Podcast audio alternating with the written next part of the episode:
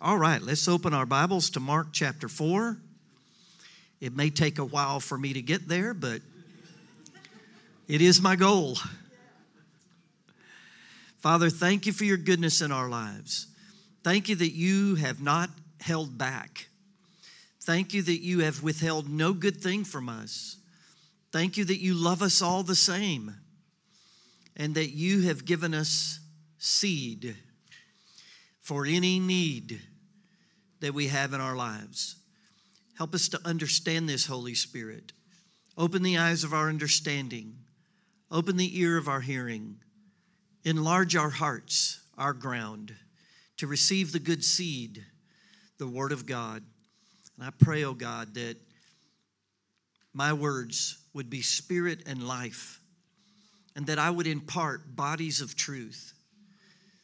That as I speak, Jesus, the manna from heaven, the promised seed would be imparted in different hearts, in different ways, to bring forth, forth a beautiful harvest in this life. And I thank you for it in Jesus' name. Amen. I begin sharing in our last few sessions on the principle of seeds, on the power of seeds, on how that God wants us to live our life uh, with an understanding that every need we have in this life, uh, God has given us a seed that can be sown to meet that need. And that the whole kingdom of God operates on seed, time, and harvest. That is God's kingdom. That's the new creation. When I say new creation, I'm talking about first fruits of the new heaven to come and the new earth. If you're born again, the Bible teaches you are a brand new creation. 2 Corinthians 5 17.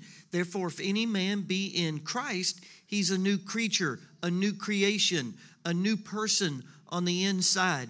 So there's old creation, the world, and principles that God has established to meet man's needs. And then in the new creation, which you and I are a part of, God has principles and God has seeds that He's given us to meet every need. And yet, most Christians aren't familiar with this and they struggle. Why, why am I not seeing God's promises in my life? Why am I not seeing God's power in my life? And I could go on and go on with how that we see ourselves uh, lacking we see ourselves as victims many times. We see ourselves as the tail and not the head because we don't understand the new creation. In original creation, everything came from the earth. God formed man out of the dust of the earth. Genesis chapter 2. God formed all the animals out of the dust of the earth, out of the ground he formed all the animals. He formed all the trees and the bushes and the flowers, and all that we see came from the ground. And everything had seed, it bore and yielded seed. And Adam was taught to be the gardener of God's garden, and that everything he needed came from the ground, has seed and the seed, if sown back into the ground, will produce after its own kind. Everything now comes from seeds. Everything you see came from a seed. You came from a seed. Amen. Did you know when you were conceived in your mother's womb, you were declared a victor and an overcomer? You outran millions of other seeds.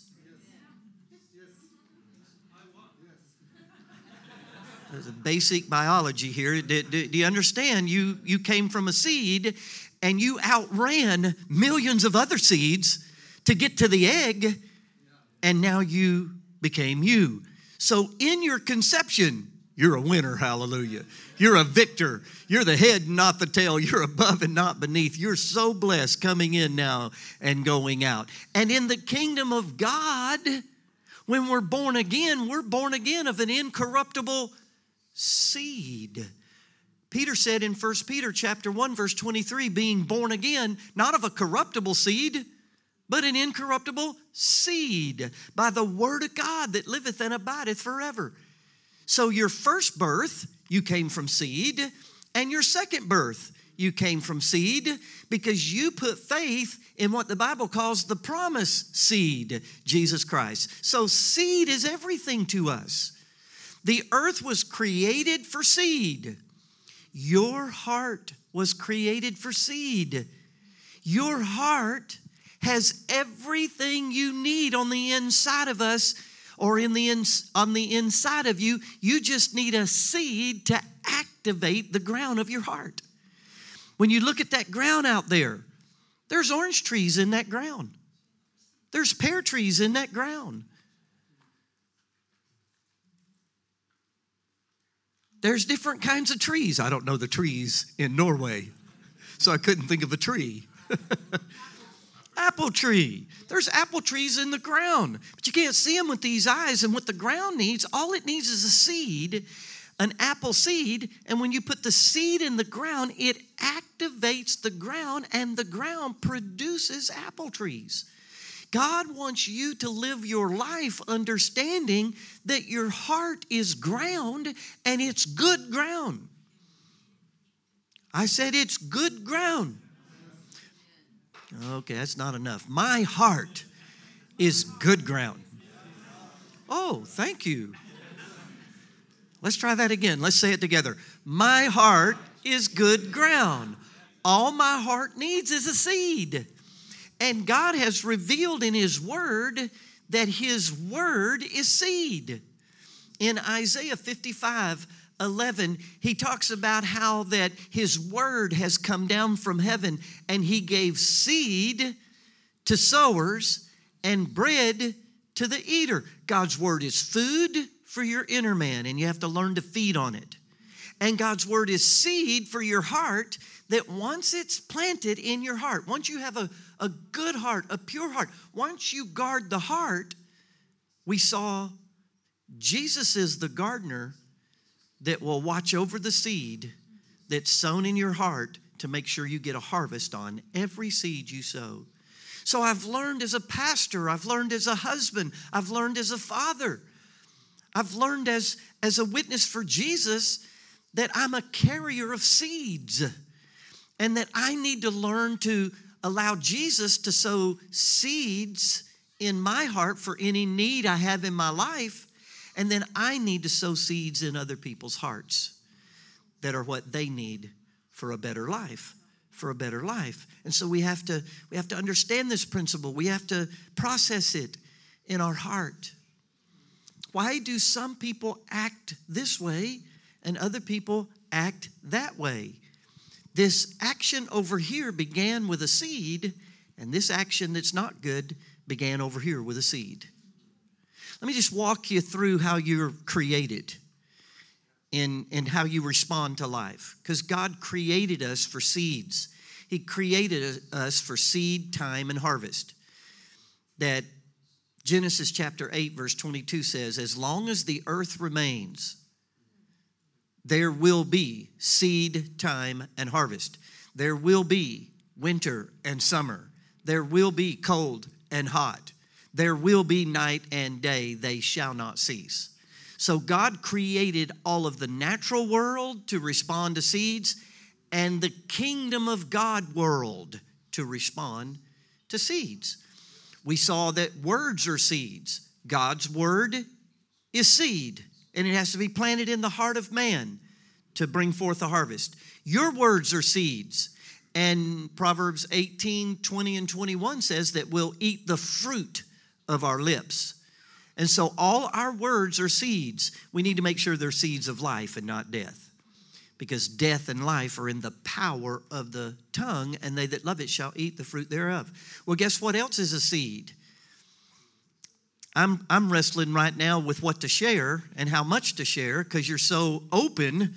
I want to share the whole Bible, and we don't have enough time. I got to stay focused, focus, focus.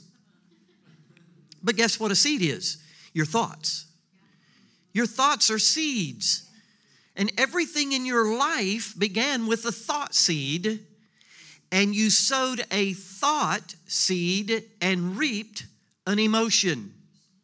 Then, if you sow your emotion, you will reap an action. And if you sow that action, you will reap a habit. And if you sow your habits, you will reap character. And if you sow character, you will reap your destiny.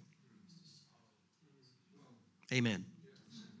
Everybody wants to get their destiny that is good and happy and fruitful and fulfilling, but they don't want to deal with their thoughts. They don't want to deal with their emotions. They don't want to deal with their actions. They don't want to deal with their habits. They don't want to deal with their character because it all starts with a seed. What are you meditating on day and night? That's a seed. And that seed will affect your emotions. If you think negative thoughts long enough, you're going to have bad emotions. You're going to be depressed. You're going to be discouraged. People make excuses to be mean, they make excuses to be depressed, they make excuses to be discouraged. And while medicine may be able to manage depression and things of that nature, I'm not against medicine. You don't need medicine. You need to get your mind renewed to God's goodness in your life.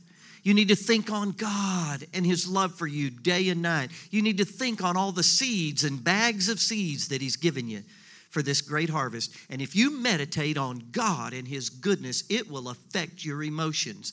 And your emotions will affect your actions. Your actions come out of your emotions. And consistent sowing of an action will create a habit in your life. And consistent sowing of that habit will create character. And you keep sowing good character, and you're going to reap a destiny that is filled with God. Amen?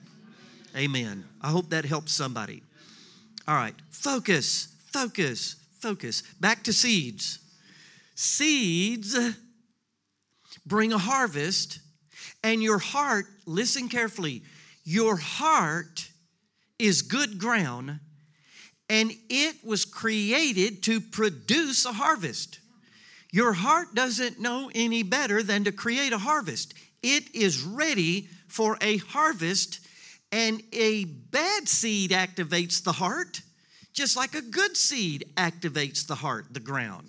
So we have to be careful what we're sowing into our heart because your heart is indifferent. It just knows produce, produce. It's commanded by God to produce of itself.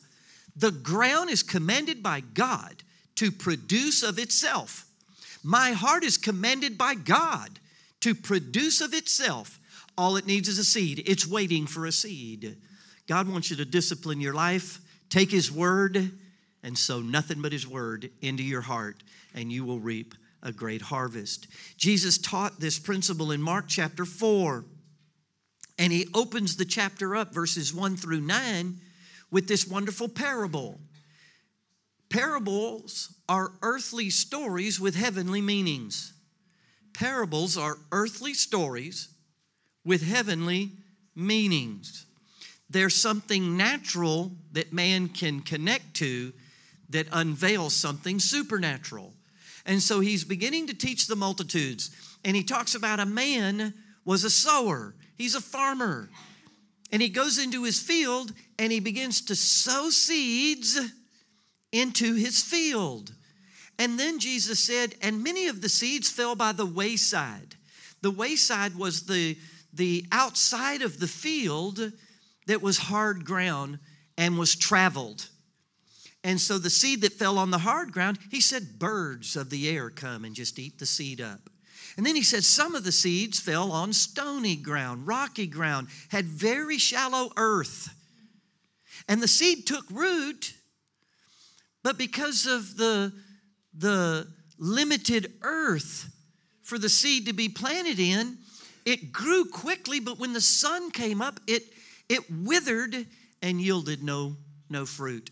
And then he said, Other seeds, they fell among these thorns, and the seedling would sprout, but all of these thorns choked the seedling, and it didn't yield fruit.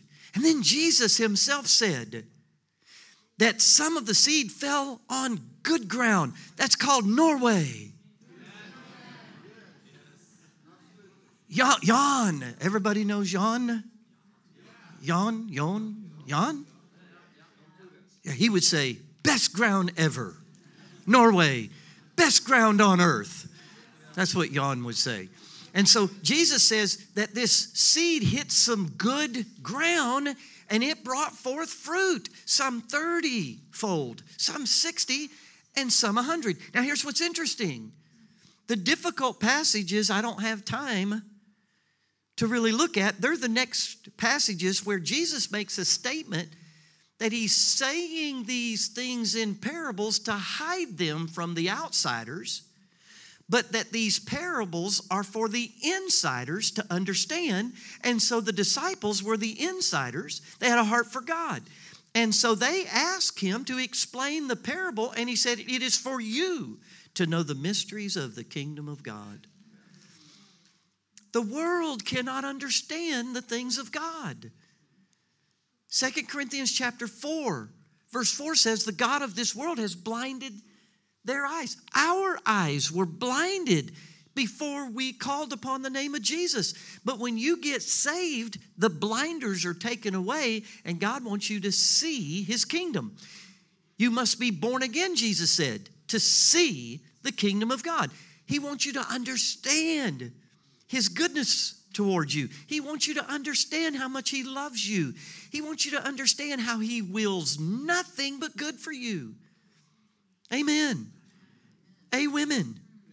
Hey, everybody, please nod your head on this one. God wills nothing but good for you. He has no ill will. He's not making anybody sick. He's not making anybody poor. He's not killing our children. He's not doing bad things to us. Amen. He came to shower His love upon us, to shower His goodness upon us, to be nothing but a blessing to us. And yet, many people do not see the goodness of God. They do, they do not think that God wills good for them. I was one of those people, even after I got saved, that I thought God had favorites in the kingdom of God, and that some people, boy, they just pray and stuff happens. I pray and God runs the wrong way. Amen. Terrible thoughts. I thought God was mad at me all the time. I thought God was angry with me. This is what hurts the human heart. This is not good. You've got to get a new perspective of God in the person of Jesus Christ and that Jesus did not make anybody sick and he's the same yesterday, today, and forever. Jesus didn't make anybody poor, and he's the same yesterday, today, and forever. Jesus went about doing good, healing all that were oppressed of the devil. And so God has a great plan for my life. I trust him, and he created me in the new creation as good ground to bring forth the harvest of all of his goodness for my life. In Mark chapter 4, after the disciples ask for Jesus to explain the parable, verses 13 through 20 is where he explains seed time and harvest, where he explains how everything works in the kingdom of God. And this is the most important parable that Jesus ever taught by his own admission. And we need to take heed to it and we need to meditate in it and we need to go over it and over it and over it that the Holy Spirit might renew our hearts in it. There are four areas covered in the parable the sower, the seed, the ground, and the harvest. There are four kinds of ground, four kinds of heart or conditions of the human heart that are covered the wayside, the stony, the thorny, and then the good ground, Norway. Amen. Let's look at the first one. In Mark chapter 4, verse 13, he said unto them, unto the disciples, there is a difference between a convert and a disciple. A convert is anybody who has made Jesus Lord of their life. But when we're a convert, when we get born again and we enter the kingdom of God, we enter in in an immature condition as a babe in Jesus, is what the scriptures teach. that when you get born again, you are like an infant in your understanding of the kingdom of God. I don't believe your born again spirit is like a baby and that your born again spirit becomes a teenager and then becomes an adult. I believe your born again spirit is full grown. I believe you're born again and united to Jesus, one spirit with Jesus. 1 Corinthians chapter chapter 6 verse 17 declares. And so while I'm a full grown adult in the kingdom, when I enter it being born again, my understanding is as a babe.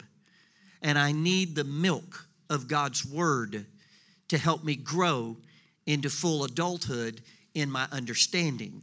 And so a convert doesn't know a baby Christian doesn't know the principles of the kingdom. They don't know about seeds. They don't know about the ground. They don't understand how things work. And so that's why we get in a good church and we go from being a convert to a disciple. A disciple is a disciplined follower of Jesus.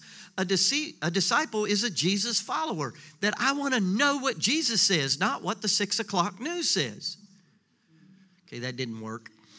I want to know what Jesus said, not what an anchor on TV says, not what a Hollywood actor or actress says. I need to know. I'm a Jesus follower. What does Jesus say? What did he say? What does it what did he mean? How does it work in my life? We're disciplined followers. I'm not talking about legalism, but I'm talking about disciplines. Discipline is good. Grace is not opposed to discipline. Grace is opposed to works to receive from God. People of grace are very disciplined people, they're disciples of Jesus. I was sitting in Bible school almost 40 years ago, and I had a hard time with the missions class. I had a hard time with a few classes. Be careful how you judge. And so missions just bothered me because it was as if I was wrong about this, I'm just being honest. But it looked like all we were doing was sending missionaries into the world, making Americans out of people. And that's not going to change anything. And the concept of missions was getting people saved, making converts. But Jesus said, and He spoke to me, and I'm fulfilling it right now. A seed was placed in my heart 40 years ago to go into all the world. It took time for me to see the harvest on the seed. But about 38 years ago, I'm sitting in Bible school, and God says, I will send you to the nations because I've called my people to make disciples of the nations, not converts. You have to have a convert to make a disciple. Amen. But a convert is not a disciple. And God wants us to disciple nations. He wants nations to serve Him. In the day of judgment, listen, nations will stand before God, not just individuals. Oh, I got, oh man, I'm getting some chicken skin. Goosebumps. I don't get those often, and I like it when I do get them. I'm a teacher, not a preacher. And when I get all excited, I feel some goosebumps. So this is a good moment. God wants us to make disciples of nations. And that's a part of your call. You were born for such a time as this. And God wants to bless you beyond your wildest imagination individually so He can make you a blessing to your nation. We need to think big. We need big seeds. We need to look on the package of the seed and see a nation and reach in there and get some seeds and sow them in our hearts. And Jesus, the gardener, make us a blessing to our nation. Hallelujah. I believe that you will be a blessing to your nation. I believe you're called, yes, to your community, but you're called to be a blessing to your nation. I sow that seed. I speak that prophetically in Jesus' name that you will be blessed and a blessing to your nation in Jesus' name. I'm standing here prophetically. I'm standing here in a harvest of a seed God sowed in my heart 38 years ago. And what am I doing? I'm not just making converts. If you're lost today, you're in the right place. It'd be hard not to get saved here. But I suspect most of you are saved. And now God wants to make you a disciple. He wants you to learn how to work with Him, walk with Him, how to see His good plan work in your life where we can work it in a nation. In a nation. And so this first this first statement that Jesus makes in regards to the to the seed time and harvest principle. Look at verse 13. And he said unto them, Know ye not this parable? And then, and how then will you know all parables? Jesus just said this is the most important parable in the whole Bible. That if you don't understand this parable, you're not going to understand the other parables in their fullness and all God has for you. So this one is big. This one is serious. We have to get this one right, is what Jesus is saying. And if you get this parable right, everything else in the kingdom of God is just going to be like dominoes in your life. It's just going to fall over. And in my frustrated time in my Christianity, and then, like I shared in my testimony last night, when I saw an open vision of the cross, this was one of the first principles Jesus taught me as the gardener of my heart on how God's word works, on how it works in me and how it works through me, and that I have to cooperate with seed, time, and harvest. And I'm, I'm so blessed with you. This has been so good. I, I don't remember who it was, but they made a joke about God speeding up the time between seed time and harvest. There's always time involved, but Jesus operated in this perfectly. And this is what confuses Christians. They'll see Jesus do it, and they'll try it, and it doesn't quite work. Jesus worked in the kingdom of God flawlessly and perfectly. And he took a little boy's lunch. You remember the story. He mixed his faith with it and it became a seed. That little boy gave a seed, and Jesus turned that seed into a harvest that fed thousands of people, but he did it quickly. The prophets of old, as they were led by the Spirit, they too knew seed time and harvest, and there were seasons where prophets heard God and they saw seed time and harvest shortened Elisha or Elijah with the widow from Zarephath and her her flour and her oil. And he said, she had just a little bit. And he said, Give it to me. Make me a cake and give it to me. He wasn't being selfish. He wasn't being self centered. He wasn't taking advantage of a widow.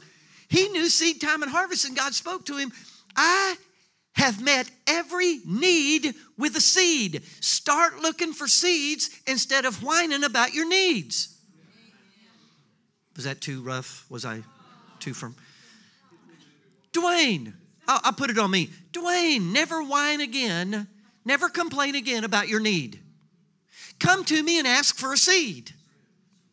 Because God has given you a seed for every need. Every promise of God is a seed. And the things we have can be seeds. Our finances can be seed. Our vehicles can be seed. I need buildings. I, I, I have a huge ministry that, that is expanding, and I always need buildings, so I give away buildings. And I sow them. I mix my faith with them. And I'm going to get that building back. Good measure, pressed down, shaken together, and running over shall men give back into my bosom. For every seed sown, there's a multiplied harvest grown. For every seed sown, there's a multiplied harvest grown. And you have to start looking at life, your life, and what seeds has God given you that you can sow to a need. And again, Jesus operated in it perfectly. And it may take more time for us to get our harvest, but we're going to get our harvest. And I believe we're going to come into a day where the reapers, I believe it was Amos, the prophet Amos, that said a day would come when God would give us a harvest that we would, that the reapers, that the sowers would be overrun by the reapers. That as fast as you sow a seed, there's a harvest. You're trying to get the harvest, and now we're overcoming the sowers. Uh, originally in my life, it was seed, time, harvest. And then I got more mature. My faith grew. It was seed, time, harvest. And then seed, time, harvest. Then seed time. If you look up Genesis chapter 8, verse 22, it's called seed time, one word. God's original plan for creation before sin came into the world, it was seed time, harvest. It's sin in the earth that has made it seed time, harvest. We're going to come back to original creation in the new creation, and it's going to be seed time. It'll be seconds. Jesus operated in seed time. Whatever he sowed, he got it back immediately. We're being conformed into the image of God's dear Son, and we'll see a day. There will be a generation that will see a day that the latter rain will fall on the earth. And the latter house shall be greater than the former house. And we will see the things of God manifesting quicker and quicker and quicker because we've learned how to cooperate with seed time and harvest. So he starts the parable with you have to understand this parable if you're going to understand any other parable. Verse 14 The sower soweth the word. The sower, the farmer, soweth the word. God's word in this parable is clearly known as seed. And what I'm doing right now is sowing seed. I'm a farmer. Amen. You're a farmer. We're all farmers. We're all sowers. And what should we be sowing? God's word, God's incorruptible seed. And I'm telling you, there are things happening in the kingdom right now. My words, again, they're spirit and they are life. And bodies of truth are being imparted into people's hearts in seed form. And remember, on the inside of the seed is life. And once that seed dies and is planted in the ground, it activates the ground, and the ground produces of itself. Life is on its way, change is on its way. Victory in the natural is on its way because I already have it in a seed in my heart. Healing is on its way. You have to learn to take God's word.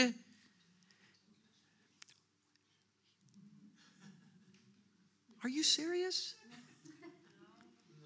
Man, the time just flies. Um, you take the seed. I got to hurry. I got to get out of this introduction. Amen. this is not good. Amen. The seed is God's word. You have to think of God's word as seed. When you're at church, when you're in a conference, you should be expecting seed. You should be looking for seed. You should be looking for a body of truth. That's Jesus, the manna that came down from heaven. I'm feeding you with manna right now in seed form, and it literally can get in your heart if you open your heart, and it, the seed, is what changes your life. It's supernatural. Your heart is designed by God to produce a harvest. It's just looking for seed to activate what's in there. And so the first seed, the first ground is verse 15, and these are they by the wayside where the word or the seed is sown. But when they've heard it, Satan comes immediately and taketh away the word that was sown in their hearts.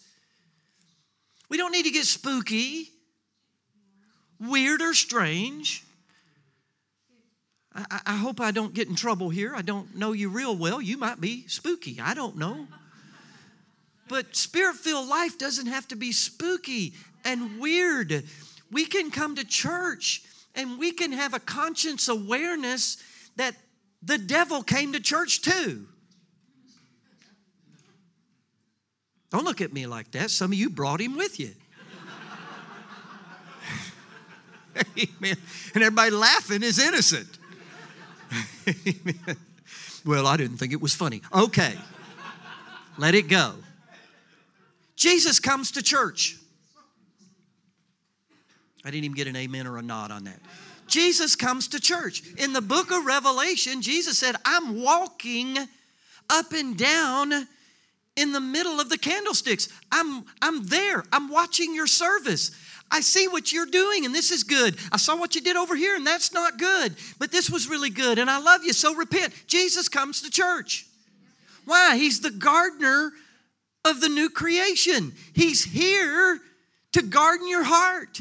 And you need to think like that that I'm coming to church and we're going to assemble together and there's going to be another dimension of Jesus. Yes, Jesus is with me when I'm alone.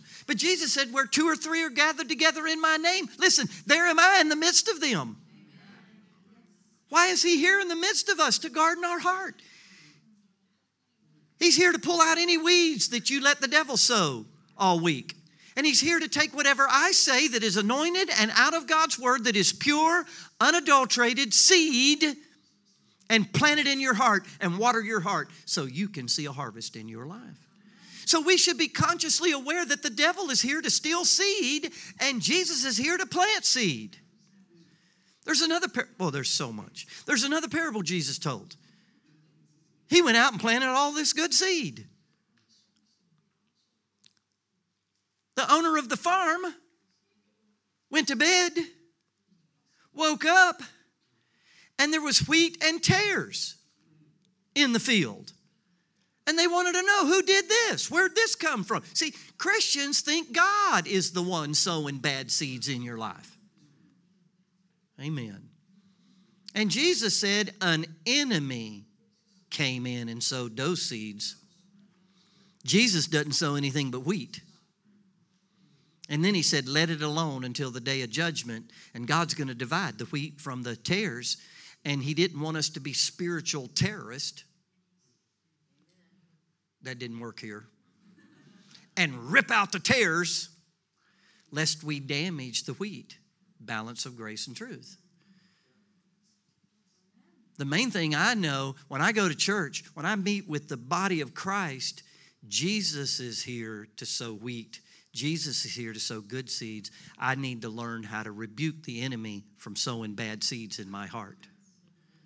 And I don't have to get spooky and weird, but that's real spiritual warfare.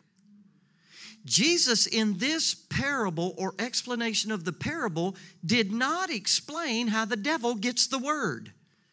The devil is after seed. He's after the word. He doesn't want the word to get sown in your heart because he knows if that word gets in your heart, it'll take root and you'll bear much fruit. So he's after the word. Jesus didn't tell us how the devil gets it. In this parable, Matthew tells us. Go to Matthew. Matthew, when he told the parable, tells us how the devil gets the seed. This is why you have to read all the writers and put the stories together. Some writers will tell three fourths of what happened. Another writer isn't saying something different, they're adding the one fourth that the other writer left out. So you have to read what did Mark say? What did Matthew say? What did Dr. Luke say? Because they all have a different perspective, and when you put it all together, you get the whole picture. So, how does the devil get the Word of God before it ever gets into people's hearts? Look at Matthew chapter 18, verse 18. Uh oh. Try Matthew 13. That looks like 18. Ah, there it is, Matthew 13. It's just a weak eight. Looks like an eight to me. Matthew 13, 18. Here's Matthew's account of the parable of the sower sowing the word, which is seed, and how the devil gets it. Hear ye therefore the parable of the sower. When anyone heareth the word of the kingdom, I love that. The word of the kingdom, the word of God's rule. God, Jesus is Lord. Jesus is final authority. He's being merciful to the nations right now, but Jesus is already Lord, and He's going to appear at any moment, and His kingdom, and every knee is going to bow. Every tongue is going to confess that Jesus Christ is Lord. In Oklahoma, Lord means boss. Jesus is the boss. He has final word, He has final say. And we get to choose to submit to it or rebel to it. He says, Preach the word of the kingdom. Preach that Jesus is Lord. Preach that Jesus is ruling and reigning. Preach that Jesus is alive. Preach that the kingdom is here. You can't see it with these eyes, but it's in our hearts. Preach the kingdom. And preach where Jesus rules, people are happy. And preach where Jesus rules, people are healed. And teach where Jesus rules, people prosper. And teach where Jesus rules, people are not just married, they're happily married. I don't want to be married, I want to be happily married. So they hear the word of the kingdom, look at this, and understand it not. Then cometh the wicked one and catcheth away that which was sown in their heart. This is he which receiveth seed by the wayside. You've got to let that sink in. Good church culture. We all want good church culture. I don't know you after the flesh. I kind of like that. I only know you after Christ, like Paul said. I only know all of you right now after the Spirit. I don't know you after the flesh, so I can be bold. After I figure you out, figure you out, I might back up a little bit. But I believe we all want good church culture. Part of good church culture has nothing to do with natural culture. We all have diversity of culture. Even in America, we have different culture between races different culture geographically. People up in the north, ah, not so bright. People in the south. I live in the south, obviously. People in the south, full of wisdom and common sense and culture. I really like being away from home where I can say that, hallelujah. Listen, there's a kingdom culture that's the same all over the world. Your worship is culture. I felt comfortable. I felt at home. I felt the spirit. That's kingdom culture. And a very, hear me, hear me, dear ones, a very important part of church culture is making the Word of God understandable. This is why I labor in prayer. I labor in study. I labor in my meditating on it. Jesus, help me communicate in simplicity. Help me communicate deep thoughts of God in simplicity. And help me to share in accuracy. And help me to share in sanity. I was praying one time and I, I didn't I didn't realize what I was praying. I wasn't listening to my prayer. I was just praying. And people started laughing. And I thought, uh oh, what did I just pray? And I was just praying before the service Father, help me to speak with simplicity. Help me to make the, the difficult things simple to your people. Help, help me to communicate with accuracy. I want to be accurate, and I'm fallible. I'm human. I'm not just human. Amen.